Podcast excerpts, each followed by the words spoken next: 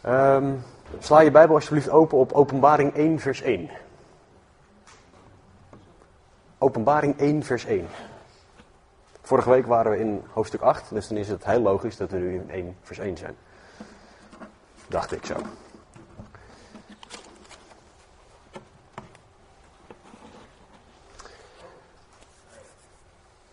Laten wij uh, nog even bidden. Voornamelijk voor mijn zenuwen en tegen flauwe grappen. Heere God, dank u wel voor wie u bent. Heer, dank u wel dat, dat u God bent. Heer, dank u wel dat u overal bent. Dus Heer, dank u wel ook dat u bij Ralf bent op dit moment. Heer, u weet wat u door hem heen wil zeggen vandaag. Heer, in de kerk waar hij mag prediken. Heer, dank u wel voor die gemeente. Dank u wel voor die kerk waar uw woord rechtgesneden wordt, Heer. Dank u wel dat Ralf in Liberia een gemeente gevonden heeft waar uw woord strak, recht en duidelijk gepredikt wordt. Heer, zegen Ralf alsjeblieft. Laat er open oren en open ogen zijn. Heer, zodat uw woord gehoord en gezien wordt, zodat u gezien wordt. Heer, spreek door Ralf heen alsjeblieft. Laat niks van hemzelf tevoorschijn komen, maar alleen alles van u. Heer, en dat is ook mijn gebed voor hier, voor mijzelf vanochtend. Heer, spreek uw woorden alsjeblieft. Heer, spreek uw woorden door mij heen alsjeblieft, want dat, dat is wat ik nodig heb. Dat is wat wij nodig hebben. Heer, raak ons aan alsjeblieft. Op die donkere plekjes van ons hart waar wij dat misschien helemaal niet verwachten. Heer, de plekken die wij weggestopt hebben in ons leven. Heer, trek ons naar uzelf toe alsjeblieft. Heer, dat is mijn gebed en dat vraag ik in Jezus' naam. Amen. Openbaring 1 vers 1. En um, waarom openbaring 1 vers 1? Um, ehm, ik wil vandaag met jullie openbaring vanuit een iets ander perspectief bekijken.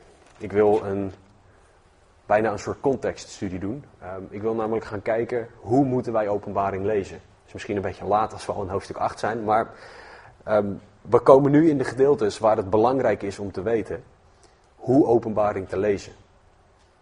Um, Kobus vertelde mij vanochtend dat uh, het heel lang zo geweest is op de Molukken dat het boek Openbaring niet gelezen mocht worden. Want dat was niet nodig. Kobus vertelde ook over een voorganger die zei, nou, openbaring hoef je niet te lezen, want uh, Johannes was toch maar een dromer. Het is een hele, echt een hele foute blik op openbaring. Maar het is makkelijk om te zeggen, het is een foute blik, maar wat is dan de juiste blik op openbaring? Dus om daar naar te kijken wil ik vanochtend um, één aspect van openbaring met jullie behandelen. En dat staat gelijk in 1 vers 1. Um, Openbaring begint met misschien wel het allerbelangrijkste vers van het hele boek. Omdat het uitlegt wat het boek is. Waar het boek over gaat. Wat het boek voor doel en uh, wat, het, wat het doel van het hele boek is. En ik wil eigenlijk gewoon alleen de eerste vier woorden met jullie lezen. Want dat is eigenlijk genoeg.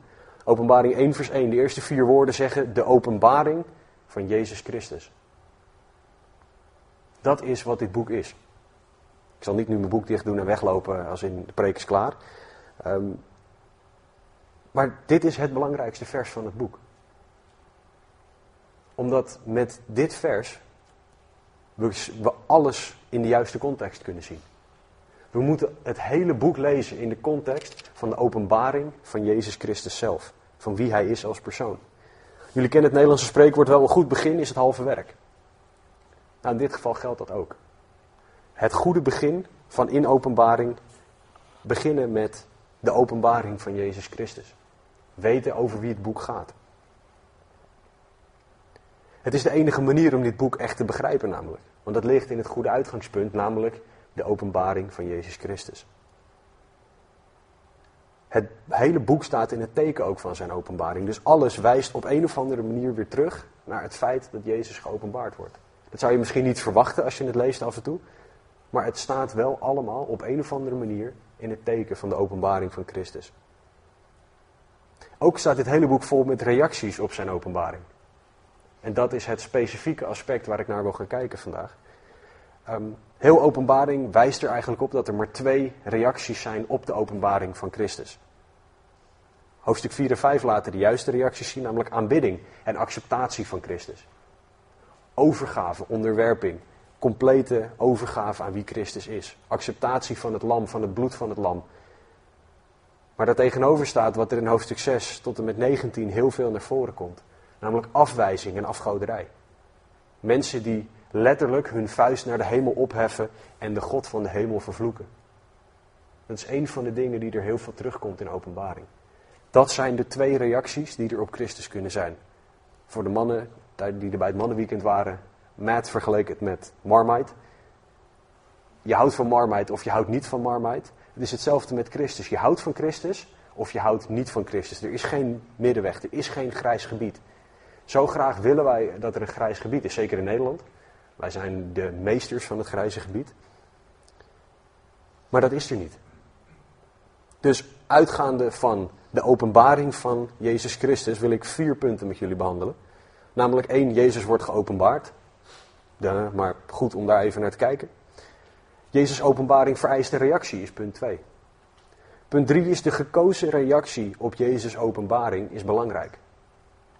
Dus welke reactie jij hebt op Jezus' openbaring is heel erg belangrijk. En 4, Jezus openbaart zichzelf aan jou. Wat is jouw reactie? Laten we beginnen met punt 1. Jezus wordt geopenbaard. En we hebben het woord openbaren, geopenbaard, al een aantal keer gebruikt. Um, ik heb uh, een vandalen boek thuis staan, die ik van mijn ouders meegesmokkeld soort van heb. Uh, en in dat boek staat dat openbaren vertonen of doen zien betekent. Het, iets wordt bekend of zichtbaar gemaakt. Het Griekse woord dat gebruikt wordt, ik ga het proberen uit te spreken, betekent apocalypsis. Het betekent dat je de bedekking eraf haalt of iets onthult. Het wordt in Lucas gebruikt voor de persoon die in de tempel zit en die zijn hele leven wacht op het kindje Jezus. En dan zegt die persoon, het kindje Jezus is nu aan mij onthuld. Geapocalypsist of zo. Ja, tuurlijk, als het kan, dan kan je het proberen. John MacArthur heeft over dit boek gezegd: Jezus is het middelpunt van het boek. Hij is de omtrek van het boek. Hij is het begin en hij is het eind. Hij is de boven- en de onderkant. Hij is de binnen- en de buitenkant. Hij is erover en hij is eronder. Vond het wel een hele mooie omschrijving om gewoon te zeggen: dit boek draait om Jezus. Als we even kort door de hoofdstukken heen lopen, en dan ga ik niet alle hoofdstukken voorlezen en daarna er wat over zeggen. Maar hoofdstuk 1 van openbaring wordt gebruikt door Jezus om zichzelf gewoon te laten zien. Het is gewoon puur, dit is wie ik ben. Dit is Jezus. En dat is het uitgangspunt van het boek ook voor de rest. Hij laat zien dat hij God is. Jezus laat zien dat hij koning en priester is. De getrouwe getuige. Hij laat zien dat hij ons heeft liefgehad. Et cetera, et cetera, et cetera. Het staat allemaal in hoofdstuk 1. Daar begint het boek. Hoofdstuk 2 en 3 laten Jezus zien in relatie tot zijn kerk. Wat vindt Jezus van zijn kerk? Hoe kijkt hij naar zijn kerk? Wat verwacht hij van zijn kerk? Als je daarover wil luisteren, Stan heeft er een aantal hele goede preken over gegeven. Ze staan allemaal op onze website. Maar Jezus laat zien hier, hij vertelt hoe hij wil dat zijn kerk leeft en hoe zijn kerk zich gedraagt. En ook wat de gevolgen zijn van iets niet doen. Hoofdstuk 4 en 5 laten Jezus zien in de hemel als het geslachte lam. Waardig om de boekrol te openen, als enige waardig. Dat is ook een beeld, een aspect van wie Jezus is. Het is ook een deel van de openbaring van Jezus Christus. Hoofdstuk 6 tot en met 19 zijn de hoofdstukken van de toorn van Jezus. Dat is een onderwerp waar we niet graag over praten. Wij kennen Jezus als liefde en genade. Jezus is lief en hij is genadig. En Jezus is liefde. En ik, ik herhaal nu hetzelfde woord een aantal keer, want dat is wat we in de kerk horen tegenwoordig. Jezus is liefde. En ik zeg niet dat dat niet klopt, dan zou ik de Bijbel tegenspreken. Maar ik zeg dat het niet het enige aspect van Jezus is. Jezus heeft zo ontzettend veel eigenschappen. En Jezus wordt ook boos. Jezus wordt rechtvaardig boos. En in hoofdstuk 6 tot en met 19 zien we de toorn van Jezus over de aarde gaan. Jezus is rechtvaardig, hij kan zonde niet onbestraft laten. En dat is wat we in hoofdstuk 6 tot en met 19 zien. In hoofdstuk 20 tot en met 22 zien we Jezus als de uiteindelijke overwinnaar. In de nieuwe hemel en in de nieuwe aarde. Jezus heeft alles uiteindelijk hersteld wat niet goed was. Een van de dingen waar mijn ogen de laatste tijd voor open gaat, is dat Jezus' redding veel verder gaat dan mijn leven in de eeuwigheid. Het gaat namelijk, de hele schepping heeft de gevolgen te ondergaan van de zondeval. De hele schepping. En Jezus gaat dat herstellen. Wij kunnen ons niet voorstellen hoe de schepping gaat zijn nadat alles weer hersteld is. We lezen in de, volgens mij is het in Exodus, ehm, over dat de verspieders naar uh, Jericho gaan, of het land verkennen. En die komen terug met een druiventros die ze met vier man moesten dragen, geloof ik. Dat kunnen wij ons niet voorstellen met die zielige druifjes die we dan tegenwoordig hebben. Gewoon even, en dat is nog niet eens zo heel lang geleden. Laat staan als God de schepping weer volledig herstelt naar hoe het was. Hoe fantastisch gaat dat zijn? Als je dan een druif moet pellen voor een kind, is het ook veel sneller natuurlijk. Er schijnen kinderen te zijn die niet van druivenvelletjes houden.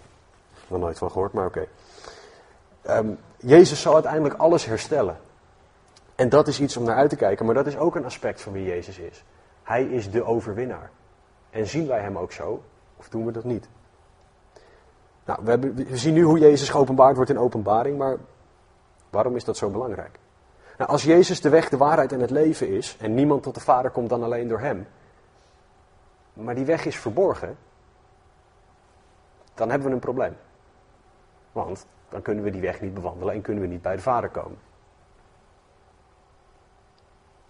Het is, het is belangrijk dat Jezus geopenbaard wordt, want Hij is de redding van de mens. Romeinen 3, vers 23 en 24 zegt het als volgt. Allen hebben gezondigd en missen de heerlijkheid van God en worden om niet gerechtvaardigd door zijn genade, door de verlossing in Christus Jezus.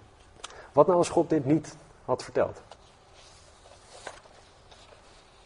Wat nou als God had gezegd, ik schrijf een boek, dat neem ik lekker mee naar boven. Laat voorop staan, dat doet God niet, want dan zou God geen liefde zijn. Maar dan kunnen wij niet gered worden. Dan zitten wij met een zondige staat van ons leven. Dan leven wij in complete onwetendheid, doen we wat we willen. En dan komen we boven en dan zegt God, ja, ja, beter moeten weten. Ja, hoe dan? Ja, kijk, dat boek dat ik voor je verborgen heb. Zo zit God niet in elkaar. Het zou hetzelfde zijn als dat je een geneesmiddel ontwikkelt voor elke ziekte op de aarde. En dat je het voor jezelf houdt. Dat is niet liefdevol, dat is niet genadig, dat is niet wie onze God is. Dus het is belangrijk dat Jezus geopenbaard wordt. Maar hoe wordt hij dan geopenbaard? Nou, goed dat je het vraagt. God openbaart zichzelf in de natuur. Psalm 19:2 De hemel vertelt Gods eer, het gewelf verkondigt het werk van zijn handen. We kunnen gewoon in de schepping kunnen we Gods hand zien, kunnen we zien wie God is. Het feit dat het allemaal zo nauwkeurig samenwerkt, het feit dat onze cellen bij elkaar gehouden worden, het feit dat er nou, men zegt dat de aarde x aantal miljoenen jaren oud is. Stel, we nemen dat voor waarheid aan. Hè? Ik ben het er niet mee eens, maar stel, de zon die wordt steeds kleiner. Als je de zon zou nemen en die zou vergroten met de snelheid waarmee hij nu afneemt, en je gaat 200 miljoen jaar verder, bestaat de aarde niet, omdat de aarde onderdeel zou zijn van de zon. Dus dat kan niet. Dat is gewoon wetenschappelijk, met eigen wetenschap, die ze zelf uitgezocht hebben, kan het niet. God openbaart zichzelf in de natuur doordat wij het perfecte plekje in het universum hebben om de rest van het universum te zien. Als wij een paar honderdduizend kilometer naar rechts of naar links waren verschoven, hadden we het minder goed gezien. Wij zien alles perfect, voor, voor zover mogelijk, maar vanuit onze aarde. God wordt zichtbaar in de natuur, je moet het alleen wel willen zien. En niet zeggen, oh dat is toeval. Als je de kans berekent voor al die dingen te gebeuren, dan heb je een hele hoop nullen nodig. God openbaart zichzelf in het menselijk geweten, zegt Romeinen 2.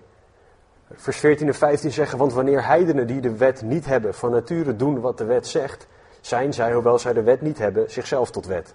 Zij tonen dat het werk van de wet geschreven is in hun hart, in hun geweten. Daar getuigt ook hun geweten van. En hun gedachten onderling beschuldigen of ook verontschuldigen elkaar. We hebben van God een geweten gekregen. God spreekt tot ons geweten van dat is niet goed, dat is wel goed. Als je dreigt te gaan zondigen, dan hebben we allemaal, of we er nou naar luisteren of niet, de stem van ons geweten, de stem van de Heilige Geest die zegt, doe nou niet. Alsjeblieft, doe nou niet. Je weet dat het niet hoort, doe het nou niet alsjeblieft. Wij kunnen ons geweten dichtschroeien, zegt de Bijbel, maar we hebben allemaal een geweten van de Heer gekregen. En als belangrijkste openbaart God, openbaart Jezus zichzelf door de Bijbel. Jesaja 45, 5a zegt, ik ben de Heer en niemand anders. Buiten mij is er geen God. Buiten mij is er geen andere God. Een rechtvaardig God, een heiland, er is niemand behalve ik. Dat is de God die geopenbaard wordt in het woord.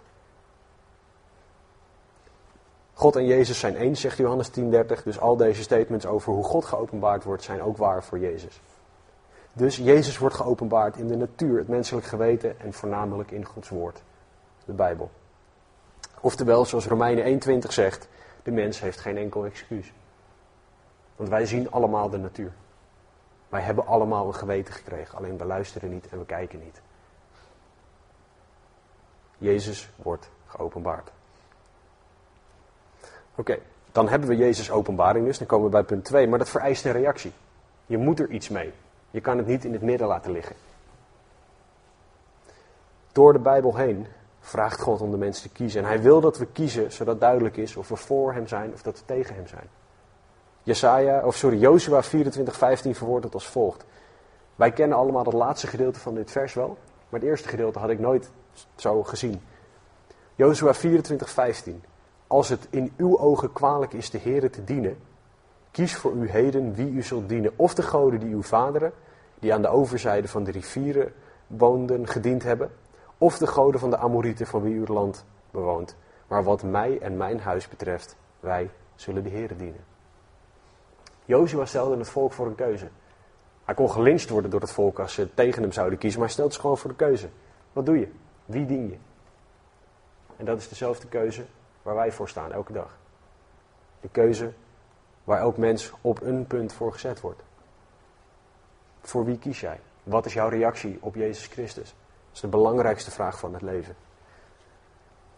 Als we zien hoe Jezus dat in openbaring doet, dan moeten we naar hoofdstuk 2 en 3 kijken. Dan gaat Jezus gaat aan de slag met de kerk. En hij daagt zijn kerk uit om een keuze te maken. En om een reactie te hebben op Jezus' woorden. En Jezus doet het als volgt. In openbaring 2, 5 zegt hij, bedenk, bekeer en doe. Haal er specifieke woorden uit en daar kom ik zo nog op terug. In openbaring 2, zegt hij, wees niet bevreesd, wees trouw. Openbaring 2, bekeer u. Openbaring 2, 25, houd vast. Openbaring 3, bedenk en houd vast en bekeer u. Openbaring 3, houd vast. Openbaring 3, wees ijverig en bekeer u. Allemaal woorden die Jezus bij zijn kerk neerlegt. Ik weet niet of het je is opgevallen, maar het zijn allemaal werkwoorden. Het zijn niet zit stil, doe je pootjes omhoog worden. Jezus wil dat de kerk niet stil zit, maar dat de kerk in beweging is.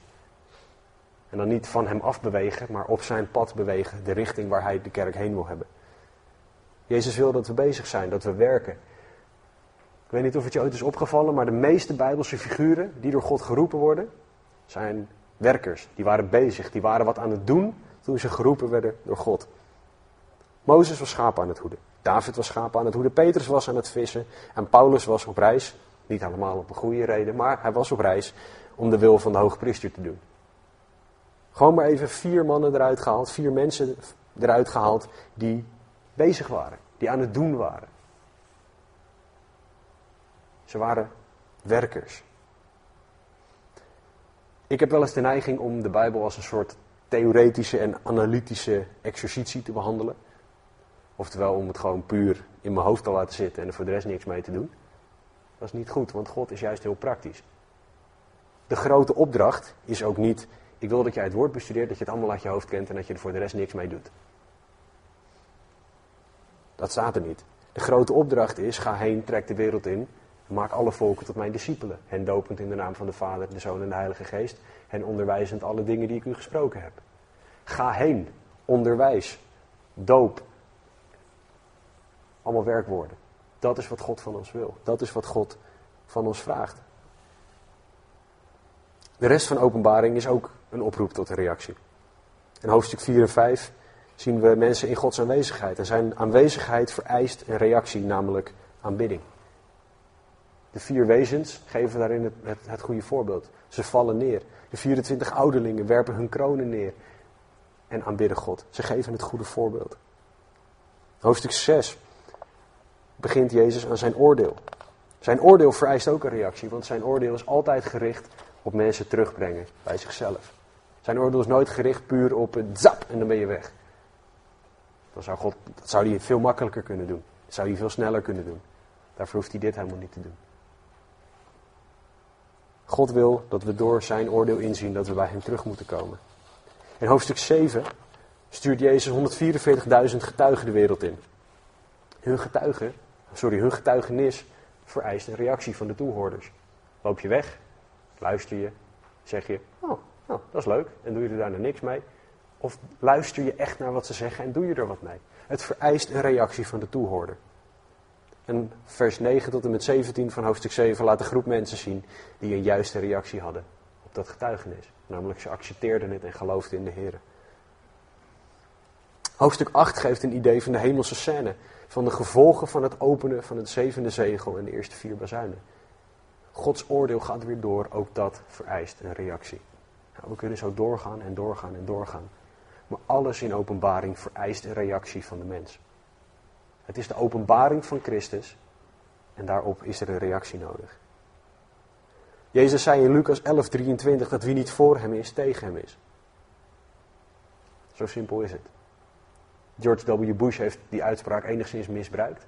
Maar de enige die dit daadwerkelijk kan zeggen is: wie niet voor mij is, is tegen mij, is Jezus Christus. Jezus maakt het ons dus niet moeilijk. Het is niet zo, er zijn duizend en één wegen en ja, een aantal zijn er van juist en een aantal niet. Of er zijn duizend en één goede wegen en het maakt niet zoveel uit. Ehm, de keuzes waar Jezus ons voorstelt zijn deze. Eén, accepteer je wie hij is en ga je 100% voor hem. Of twee, doe je dat niet, wijs je hem af en ga je je eigen weg. Het is zwart of het is wit. Grijs bestaat niet. De vraag is, welke keuze maak jij? Welke keuze maak ik? En dat komt gewoon echt letterlijk neer op dagelijks, momenten, echt elk moment een keuze maken. Elk moment moet ik de keuze maken. Hoe reageer ik op de openbaring van Jezus Christus? Hoe reageer ik op wie Christus is? De Bijbel is heel duidelijk over hoe de keuze voor Christus eruit ziet. Jezus wint er nooit doekjes om. Hij zegt niet dat het fantastisch mooi is en dan is het lelijk. Of dat het fantastisch lelijk is en dan is het super mooi. Welkom Siri. Um, Matthäus 16, 23 zegt: Als iemand achter mij aan wil komen, moet hij zichzelf verloochenen, zijn kruis opnemen en mij volgen. Dat is een van die christelijke versen die we veel misbruiken. Maar wat betekent het nou? Het betekent dat wij ons compleet overgeven aan Hem. Jezus zegt als iemand achter mij aan wil komen, nou, als iemand mij wil volgen, zegt Jezus, moet hij zichzelf verloochenen. Dus je eigen wil afleggen. Heer, niet mijn wil, maar uw wil geschieden. Niet wat ik wil, maar uw wil regeert. Je kruis op je nemen. Wat dat betekent is dat jij je kruis draagt naar de plek waar jij geëxecuteerd wordt en waar Christus alleen nog maar leeft. Paulus zegt dat, hij, dat niet meer hij leefde, maar Christus in hem. Dat is wat wij moeten hebben. Christus die in en door ons heen leeft. En dan kunnen wij Hem volgen. We kunnen alleen nog maar door Zijn kracht leven. Dat is wat het betekent om Hem na te volgen. We moeten Jezus erkennen als Verlosser en Heer. We moeten afhankelijk zijn van Hem. En daar lopen we tegen een probleem aan in deze maatschappij. Want we willen zo graag onafhankelijk zijn. De minister heeft een tijd geleden alle vrouwen opgeroepen om financieel onafhankelijk van hun man te zijn. Want het was niet goed om als vrouw afhankelijk te zijn van je man. En dat moest een vrije keuze zijn, maar ze legden wel neer dat alle vrouwen dat moesten kiezen. Vond ik een beetje een mooie tegenstelling. Maar wij willen onafhankelijk zijn. Wij willen onze eigen keuzes maken. We willen ons eigen carrièrepad kiezen.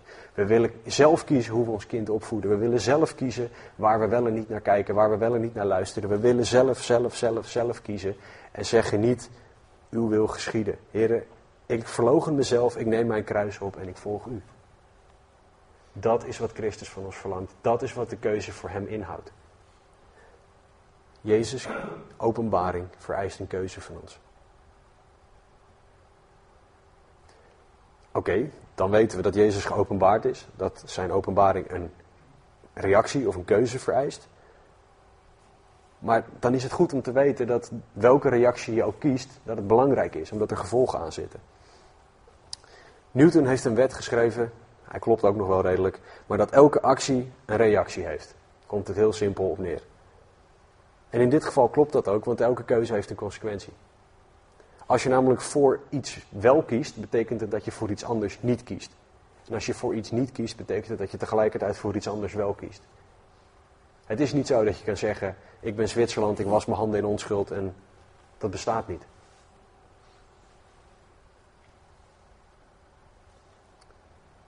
De gekozen reactie is belangrijk. Galaten 6, 7 zegt dwaal niet.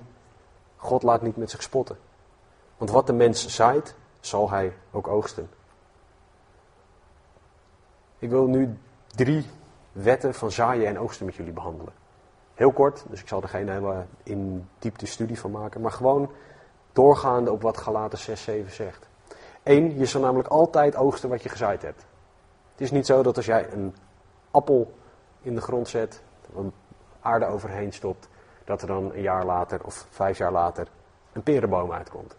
Als wel, heb je iets verkeerd gedaan. Dat geldt ook in de geestelijke wereld. Als jij zonde zaait, zal je zonde oogsten. Galaten 6, 8 zegt, wie in zijn vlees zaait, zal uit het vlees verderf oogsten. Maar wie in de geest zaait, zal uit de geest het eeuwige leven oogsten. Wat betekent dat? Hou je bezig met de goede dingen. Zo simpel is het. Zit jij de hele dag series te kijken of luister je naar een preek en lees je Gods woord? Zit jij de hele dag mensen uit te schelden op je werk of spreek je woorden van leven? Ben jij de hele dag bezig met op een verkeerde manier naar, in bijvoorbeeld in het geval van mannen, op een verkeerde manier naar vrouwen kijken? Of ben jij bezig om op een juiste manier naar het woord van God te kijken en daardoor veranderd te worden in je manier van denken? Ben jij bezig om de hele dag te stelen? Of ben jij bezig om de hele dag Gods woord uit te delen en alles uit te delen wat de Heer je geeft? Waar jij je mee bezighoudt, zal je ook oogsten.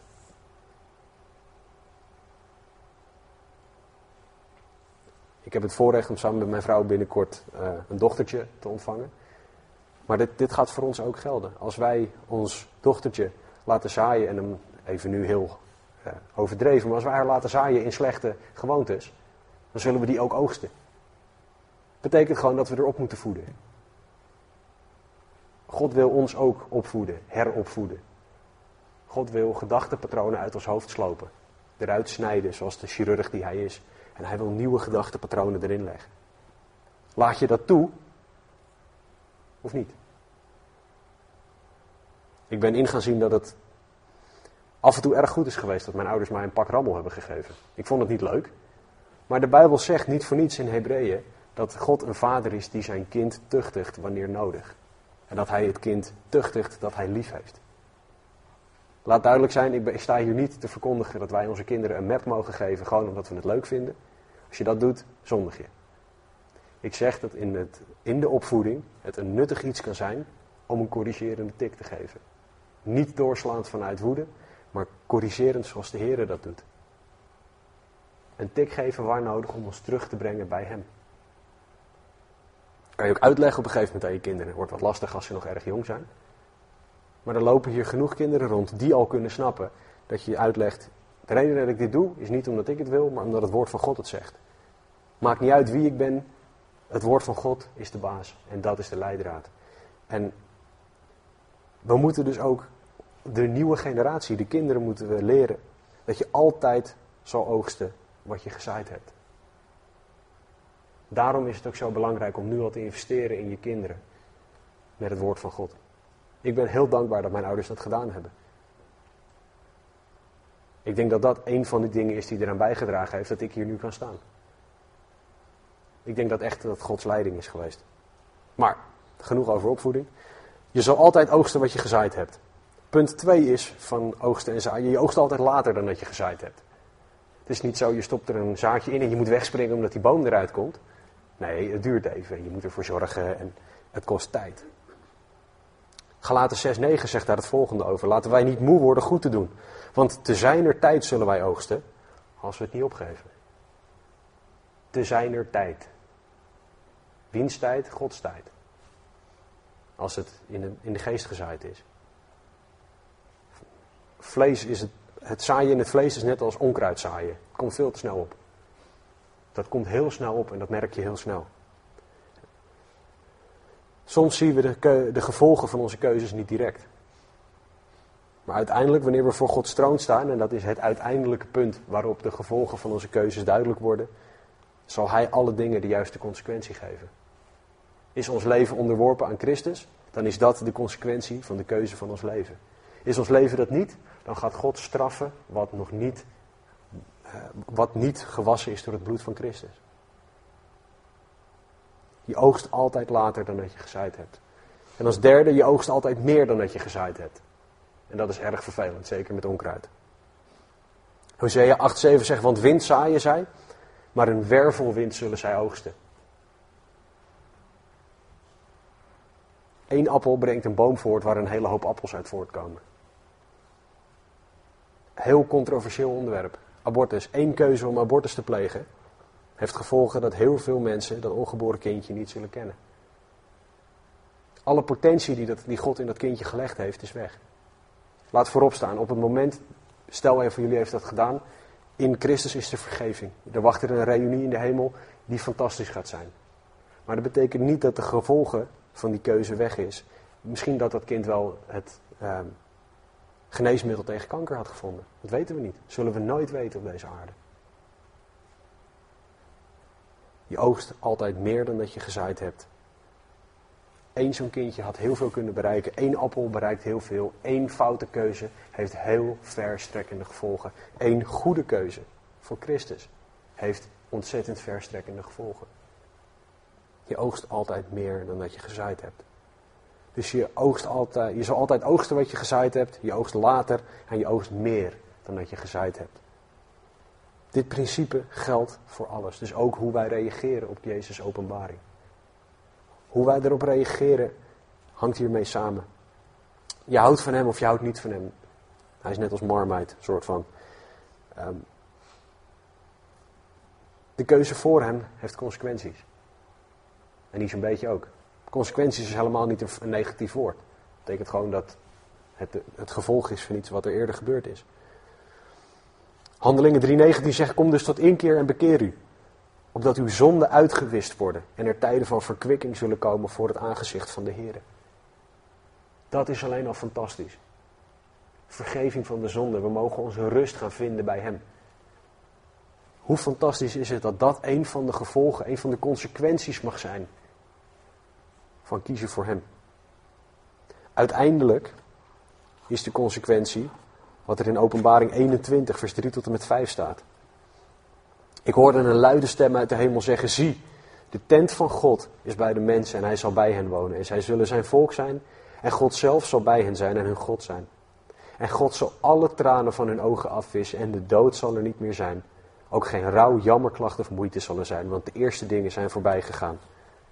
En hij, die op de troon zit, zei: Zie, ik maak alle dingen nieuw. En hij zei tegen mij: Schrijf, want deze dingen zijn waarachtig en betrouwbaar. Dit is het moment dat wij met z'n allen Arja niet bij gaan houden, omdat ze zo hard door de hemel heen aan het rennen is. Dit is het moment waarop alles nieuw is. Dat is een van de gevolgen van de keuze voor Christus. Gevolg van de keuze tegen Christus. Tegen, als je negatief reageert op de openbaring van Jezus Christus. Dan het spijt me, maar dan ga ik nu vier versen voorlezen die aangeven wat daarvan het gevolg is.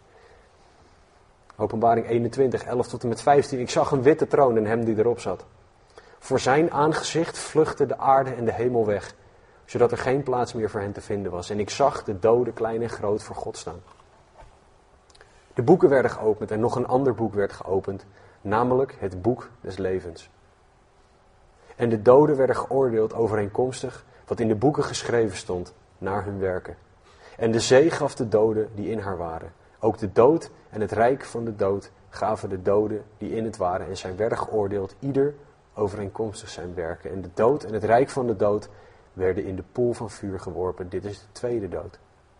En als iemand niet bleek ingeschreven te zijn in het boek des levens, werd hij in de poel van het vuur geworpen.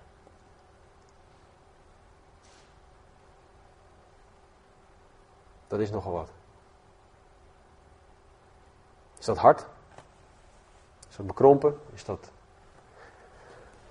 nauw? Is dat ingewikkeld? Nou, ik denk van niet. Ik zie juist Gods liefde. Ik zie een God die niet wil dat iemand verloren gaat. En die zegt, dit kan je voorkomen. En dat doe je op deze manier. Ik zie een God die zijn eigen zoon naar de aarde stuurde. Om terwijl wij hem in het gezicht aan het spugen waren, de baard uit zijn gezicht aan het trekken waren, een doornenkroon in zijn hoofd aan het slaan waren, de spieren uit zijn rug aan het trekken waren met een gezel die zei: Ik hou van jou en ik ga door. Ik wil voor jou sterven. Dat is wat ik zie. Ik zie de God die ons een boek heeft gegeven om ons te waarschuwen voor de dingen die komen gaan. We willen allemaal een briefje uit de hemel. 1900 en x aantal pagina's, een briefje uit de hemel. Het is niet zo ingewikkeld, alleen we moeten wel willen zien. Wedervraag. Ik vroeg net, is het hard? Hoe hard zou het zijn als je weet dat iemand een verkeerde keuze maakt en je die persoon daar niet op wijst? Soms is het goed om je eigen fouten te maken. Hè? Dat gaat dan om kleine dingen. Je duim te dicht bij een spijker houden en zo. Dat, dat soort dingen. Maar God wijst de mensen erop dat we zonder Hem altijd de verkeerde keuzes zullen maken. Dat we niet bij de juiste uitgang uit zullen komen. We zullen altijd keuzes maken zonder God die geen eeuwigheidswaarde hebben of eigenlijk de verkeerde eeuwigheidswaarde hebben. God wijst ons continu op de consequenties van onze keuze. Dat is toch juist liefdevol? Weet je wat niet liefdevol is? Afgelopen week was er een uh, meneer bij Oprah Winfrey op de bank. Carl Lentz. Een van de drie voorgangers van, of vier voorgangers moet ik zeggen, van Hillsong New York City. En hij heeft gewoon gezegd daar, als voorganger van een christelijke kerk, dat alle wegen naar God leiden. De vraag werd aan hem gesteld door Oprah: moet je in Jezus Christus geloven om naar de hemel te gaan? Even parafraserend. En hij zei nee. Is niet nodig. Hij zegt: God heeft zoveel liefde en zoveel genade dat iedereen uiteindelijk wel goed terecht zal komen. Nou, dat is liefdeloos. Omdat je daar mensen vertelt iets wat niet klopt. Hij vertelt aan mensen dat de keuzes die zij maken, maakt, doet het toch niet toe. Maakt het uit, God houdt van je, alles is liefde. Bladibla. Dat is liefdeloos, want deze man misleidt vele mensen. Ik hoop echt dat hij tot bekering komt, want anders staat er hem nog iets te wachten in de hemel. De Bijbel zegt in Jacobus, laat niet allen onderwijzers willen zijn, want zij zullen een strikter oordeel ontvangen. Ik zou niet in zijn schoenen willen staan. Dit is liefdeloos, want Jezus zegt dat Hij de weg, de waarheid in het leven is. Dat niemand tot God de Vader komt dan alleen door Hem dan kunnen we niet zeggen, hij heeft dit vers zelfs aangehaald. Zoals Amit toen goed opmerkte, hij heeft het tweede deel van het vers even voor zijn eigen gemak weggelaten. Als je leest, Jezus is de weg, de waarheid en het leven, dan kan je niet tot de conclusie komen dat alle wegen naar Rome leiden. Dat kan niet. Niet als je gewoon normaal leest wat er staat.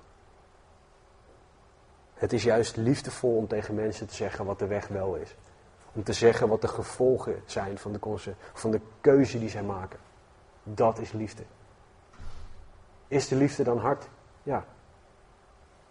Maar liever dat dan dat je verkeerd terechtkomt. Je hebt toch ook liever dat je ouders je aan je armen terugsleuren dan dat je de weg oploopt en overreden wordt door een bus. Want ja, nee, maar, mijn kind wilde oversteken. En eh, ja, nee, dan, dan, ik hou zoveel van mijn kind, dus dan laat ik hem gaan. Kijk, we lachen erom, maar dat is wel wat de wereld doet. Alles is liefde. Alles is liefde. Dus we laten alles maar toe. We laten elke zonde, elke manier van zonde laten we toe, want ja, alles is liefde. Alle wegen leiden naar Rome, want alles is liefde. Jezus zegt, ik ben de weg, de waarheid en het leven. Niemand komt tot de Vader dan door mij. God is zo duidelijk. Er is gewoon een consequentie die volgt op elke keuze die we maken. Zo simpel zit het leven in elkaar. Zo zit het leven altijd in elkaar. Zo heeft het altijd in elkaar gezeten en zo zal het altijd in elkaar zitten. Dus ook voor de belangrijkste keuze van ons leven, hoe reageren wij op de openbaring van Jezus Christus? Wie is Jezus voor jou? Weet je over Jezus? Ken je het boek waarin Jezus staat? Of is Jezus jouw verlosser en Heer? Dat is iets heel anders. De gekozen reactie op Jezus' openbaring is belangrijk, want het heeft eeuwigheidsgevolgen. We hebben vanochtend gezien dat Jezus op heel veel verschillende manieren geopenbaard wordt. We hebben gezien dat dat door de natuur is, door ons geweten, door de Bijbel en zelfs ook door mensen om ons heen. Mensen die ons de waarheid vertellen, die in liefde ons willen vertellen wat je nu doet, klopt niet. We hebben gezien dat Jezus openbaring een reactie vereist van onze kant. En dat welke reactie je ook kiest, dat er, dat er een gevolg aan zit. Dus nu de laatste vraag, punt 4 van vandaag. Wat doe jij met de openbaring van Jezus? Wat doe je ermee? Wat doe jij met het feit dat Jezus zichzelf laat zien aan de mensheid? Ben jij voor Jezus of ben je tegen Jezus? En ik ga even kort definiëren wat dat betekent. Voor Jezus zijn betekent dat je aanneemt en gelooft dat Hij God is. Dat je verder kan lezen dan Genesis 1 vers 1. Genesis 1 vers 1 zegt namelijk in het begin schiep God de hemel en de aarde.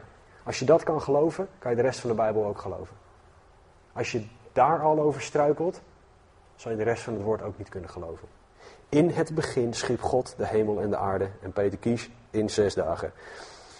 Bijna op de zevende dag rustte hij. Sorry, die kon ik niet laten. Um, maar voor Jezus zijn betekent dat je aanneemt en accepteert dat je als mens zondig bent.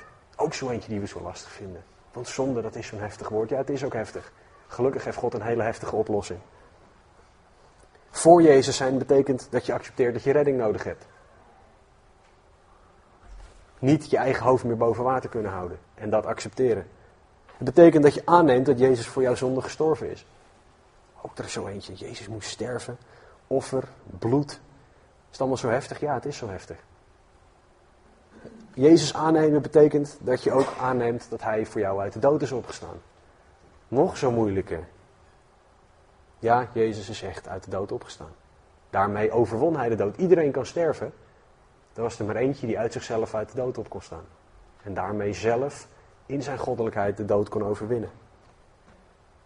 Voor Jezus zijn betekent dat je berouw en bekering aan God vraagt. En ook berouw en bekering betoont over je zonde. Berouw zijn is dat je er spijt van hebt. Bekering is dat je een 180 graden draai maakt in denken en in doen. Heel veel mensen hebben well, berouw, daar komen, komen ze nog wel. Vinden ze de consequenties van hun zonde vervelend. Maar de 180 graden draai maken, dat is een probleem. Daar hebben we God voor nodig. Voor Jezus zijn betekent dat je vergeving aan God vraagt voor de zonde die je elke dag begaat. En vergeving vragen is niet, nou het spijt me. Vergeving vragen is, Heer, vergeef mij alstublieft dat ik gelogen heb. Vergeef mij alstublieft dat ik gestolen heb. Vergeef mij alstublieft dat ik, puntje, puntje, puntje. Voor Jezus zijn betekent dat je een leven tegemoet gaat waarin Hij regeert. Ouch. Geen, niet meer zelf de controle hebben. Niet meer zelf de baas zijn. Nee, want God weet het toch beter. Want als jij de baas bent, wie weet het dan beter? Jij of God? Of dat denk je dan tenminste, dat jij het beter weet dan God. Voor Jezus zijn kan alleen doordat God, je, doordat God jou naar zich toe trekt. Dat is één van de vereisten. God liefhebben kan alleen doordat Hij ons eerst heeft liefgehad, zegt 1 Johannes 4:19. Dus het, het gaat van God uit en het eindigt allemaal bij God. Dat is wat leven, wat de keuze voor Jezus betekent. Het leven met Jezus of met Christus is ook niet per se makkelijker. Om gewoon even misschien een plens koud water in het gezicht te gooien, maar dat is het nou eenmaal. Ik ga hier niet staan verkondigen dat op het moment dat jij voor Jezus kiest, roze geur en maneschijn, alle doornen worden van de rozen afgehaald. Het leven is één feest. Je wordt rijk, je zal altijd genezen zijn. Het, dat is niet zo.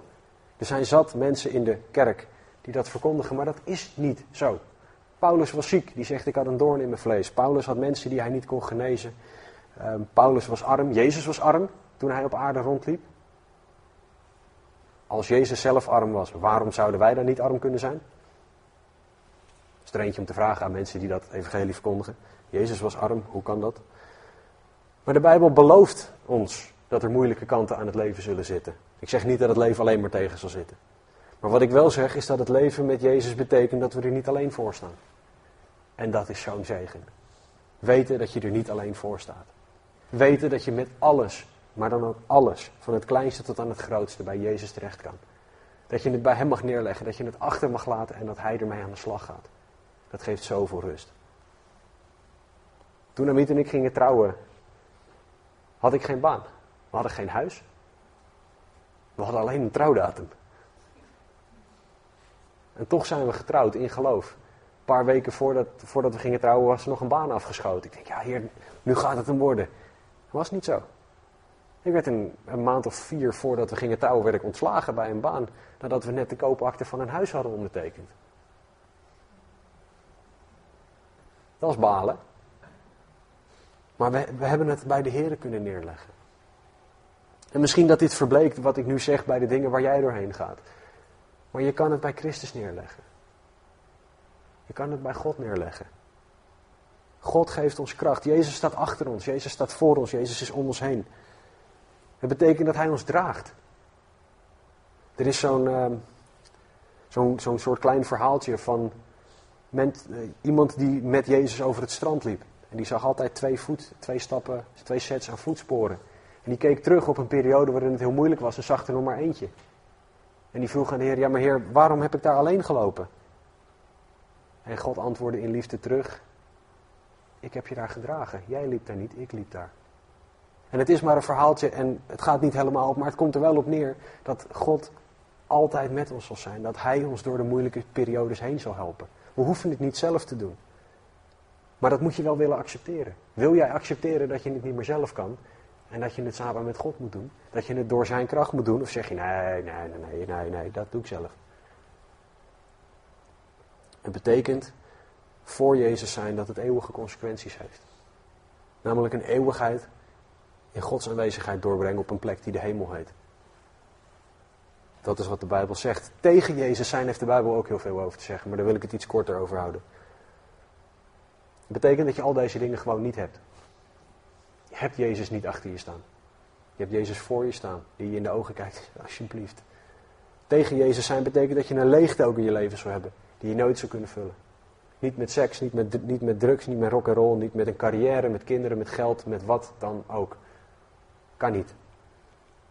Tegen Jezus zijn betekent ook dat je nooit zou kunnen doen waar God je voor bedoeld heeft. Namelijk Hem aanbidden op de manier zoals Hij dat wil. Je zal nooit volledig het potentieel bereiken dat God in je leven gelegd heeft. Omdat je niet door Zijn kracht op Zijn manier leeft.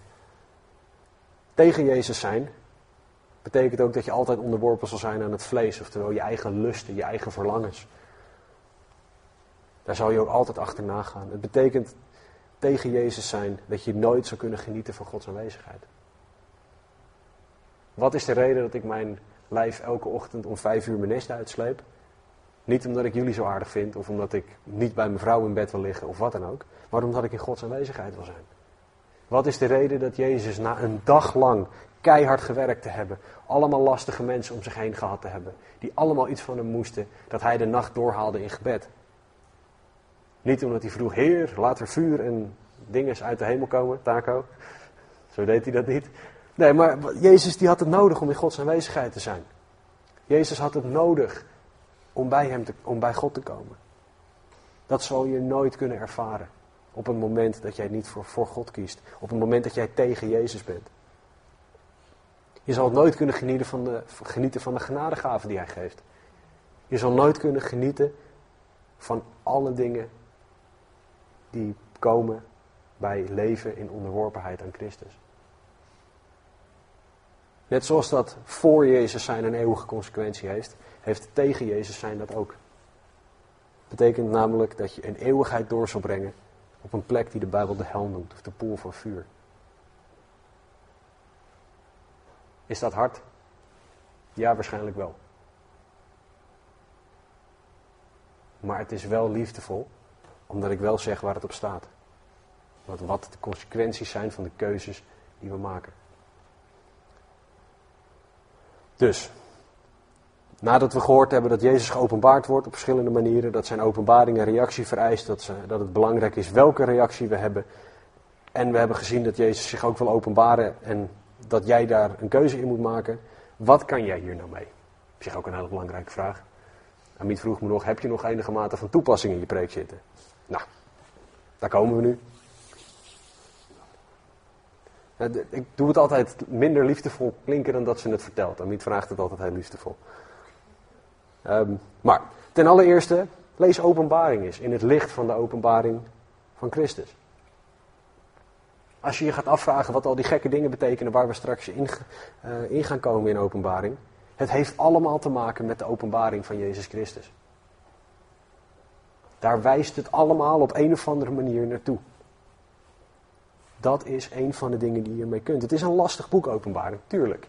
Maar het wordt al een stuk duidelijker als we alles gaan zien in het licht van wie Jezus is. Als dat ons uitgangspunt is, als Hij ons uitgangspunt is. Want heel openbaring legt uit wie Jezus is, hoe Hij reageert op dingen. Dat is een hele belangrijke. Heel openbaring legt uit dat Jezus liefdevol, genadig en compleet rechtvaardig is. Openbaring laat zien dat Jezus wil dat de wereld weet wie hij is. Jezus gaat een engel, en dan niet een soort satelliet of zo, wat sommige mensen zeggen, maar echt een engel om de aarde heen laten vliegen, die het evangelie gaat verkondigen. Dat is liefde, dat is mensen willen laten ontkomen aan het oordeel. Dat gaat Jezus doen, dat is wie hij is. Jezus wil ook dat de kerk hem dient op een manier die hem eert. Als je wil weten hoe de kerk hem moet dienen, lees de zeven brieven aan de kerken in hoofdstuk 2 en 3. Jezus wil ook dat we weten hoe dingen eraan toe gaan in de hemel. Dat wij weten wat de volgorde van dingen is en zo. Dat we niet met de mond vol tanden staan als we daar komen. Dat we de liedjes niet kennen. Jezus geeft ons de liedjes vast. We mogen ze dan eerst in het Nederlands meezingen. En daarna in het Engels, want engelen spreken Engels. Sorry, ik moest die even jatten van Herman Baan. Um, Jezus wil ook dat wij weten wat zijn reactie is op onze keuze om hem wel of niet na te volgen. Jezus maakt duidelijk dat we staan voor de keuze leven of dood. Zo simpel is het. Het is niet mooier of minder mooi te maken dan dat het is. Leven of dood. Dus als je nog niet in God gelooft, als Jezus nog niet jouw verlosser en Heer is, bid tot Hem. Praat met Hem. Hij is een persoon. Hij is niet een kracht of de force, zoals in uh, Star Wars, maar hij is een persoon. De Heilige Geest is een persoon. Hij is hier. Hij wil met ons praten. Vraag hem om je ogen te openen voor hem. Vraag hem om je te laten zien wie hij is. We hebben het allemaal nodig. Vraag hem om vergeving voor je zonde. Accepteer het offer van Jezus aan het kruis voor jouw zonde. En als je dat niet weet hoe, spreek mij aan na de dienst, spreek iemand anders aan na de dienst. Maar bid. Bid samen met iemand anders dat God je ogen je ogen zal openen voor de openbaring van Jezus Christus. Als je Jezus al wel kent, als je al christen bent, als Jezus al jouw verlosser en Heer van je leven is, dan is deze preek voornamelijk gericht op de dagelijkse keuzes die jij maakt. Zijn jouw keuzes erop gericht om de openbaring van Jezus Christus na te volgen? Om Jezus Christus na te volgen in alles wat je doet? Of probeer je toch een beetje van magie en een beetje, een beetje van jezelf en een beetje van de wereld, een beetje van God en een beetje van dit? Zo zit het niet in elkaar. Bekijk jij jouw dagelijkse keuzes in het licht van de openbaring van Jezus of doe je dat niet? En dan heb ik het niet over, moet ik mijn tanden nou links of rechts om uh, poetsen? Welk shirt moet ik aandoen vandaag? Maar dat kan ook, dat, die trouwens wel. Um, hoe je je kleedt heeft namelijk ook invloed. Maar wie bepaalt jouw dagelijkse keuzes? Ben jij dat zelf? Bepaal jij dat jij nu even geen zin hebt om met die mensen te praten? Dus doe je je oortjes in op je werk en als mensen reageren, sorry, ik moet even wat afmaken. Of ben je bereid om met mensen te praten? Maak jij tijd voor je kinderen of zeg je nee, nu is het echt even papa of mama tijd? En je, je, je bent maar even stil een half uur en daarna heb, heb je pas wat aan me. Of ben je bereid om als ouder, wanneer, wanneer je vlak voordat je thuis bent, te zeggen: Heer, ik heb uw genade nodig om er vandaag voor mijn gezin te zijn. Ik heb een, dag werk, werk achter de rug. En het was zwaar, maar ik leg het bij u neer. Geef me de kracht om te doen wat u van me vraagt. Kom je hier op zondagochtend? Kom je hier om één voor of één over tien binnen druppelen. Um, en luister je naar de muziek, luister je naar de preek, drink je een bakje koffie en ren je daarna weer weg omdat je iets anders te doen hebt. Zoals ik vroeger naar een voetbalwedstrijd willen kijken. Het ligt er maar net aan welke prioriteit je hebt. Ligt jouw prioriteit bij Jezus Christus, zijn openbaring, wie Hij is, bij het dienen van zijn lichaam, want dat is wat Hij van ons vraagt? Of liggen jouw prioriteiten bij wat je zelf fijn vindt? Welke keuzes maak jij dagelijks? Worden jouw keuzes geleid door het woord van God of door het woord van mensen? Luister jij naar een Carl Lenz die zegt alle wegen leiden naar Rome? Of zeg je maar het woord van God zegt iets anders, dus ik luister naar het woord van God? Twijfel aan alles wat ik zeg alsjeblieft. Toets het aan het woord van God. Luister jij naar het woord van God of naar het woord van mensen? Jezus Christus wil zichzelf van jou openbaren. Wat is jouw reactie? Zij het voor het eerst, zij het voor de zoveelste keer, in elke situatie. Wat is jouw reactie? Laten we bidden. Heere God, dank u wel voor de openbaring van Jezus Christus.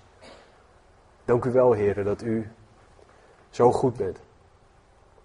Dank u wel, Heere, dat u ons de openbaring gegeven hebt. Dank u wel, Heere, dat u zo ver gegaan bent om die aan ons te geven. Dank u wel, Heer Jezus, dat u voor onze zonde gestorven bent aan een kruis. Dank u wel dat u gemarteld bent voor mijn zonde. Dank u wel dat u uit de dood opgestaan bent voor mijn zonde. Dank u wel dat u uit de dood opgestaan bent voor ons allemaal. Dank u wel dat u geopenbaard wordt op zoveel verschillende manieren. En Heer, leer ons om te leven naar de openbaring van Jezus Christus. Heer, leer ons alstublieft om uw woord te lezen naar de openbaring van Jezus Christus. Heer, niet alleen uit het Bijbelboek Openbaring, maar de hele Bijbel. Lezen naar de openbaring van Jezus Christus. Heer, leid in ieder alstublieft. Zij het die hier zitten, zij het die luisteren naar de, naar de preek online. Heer, om de juiste keuzes te gaan maken. Heer, om voor het eerst misschien wel de keuze voor u te maken. Heer, om te bidden. Heer, openbaar uzelf alstublieft aan mij.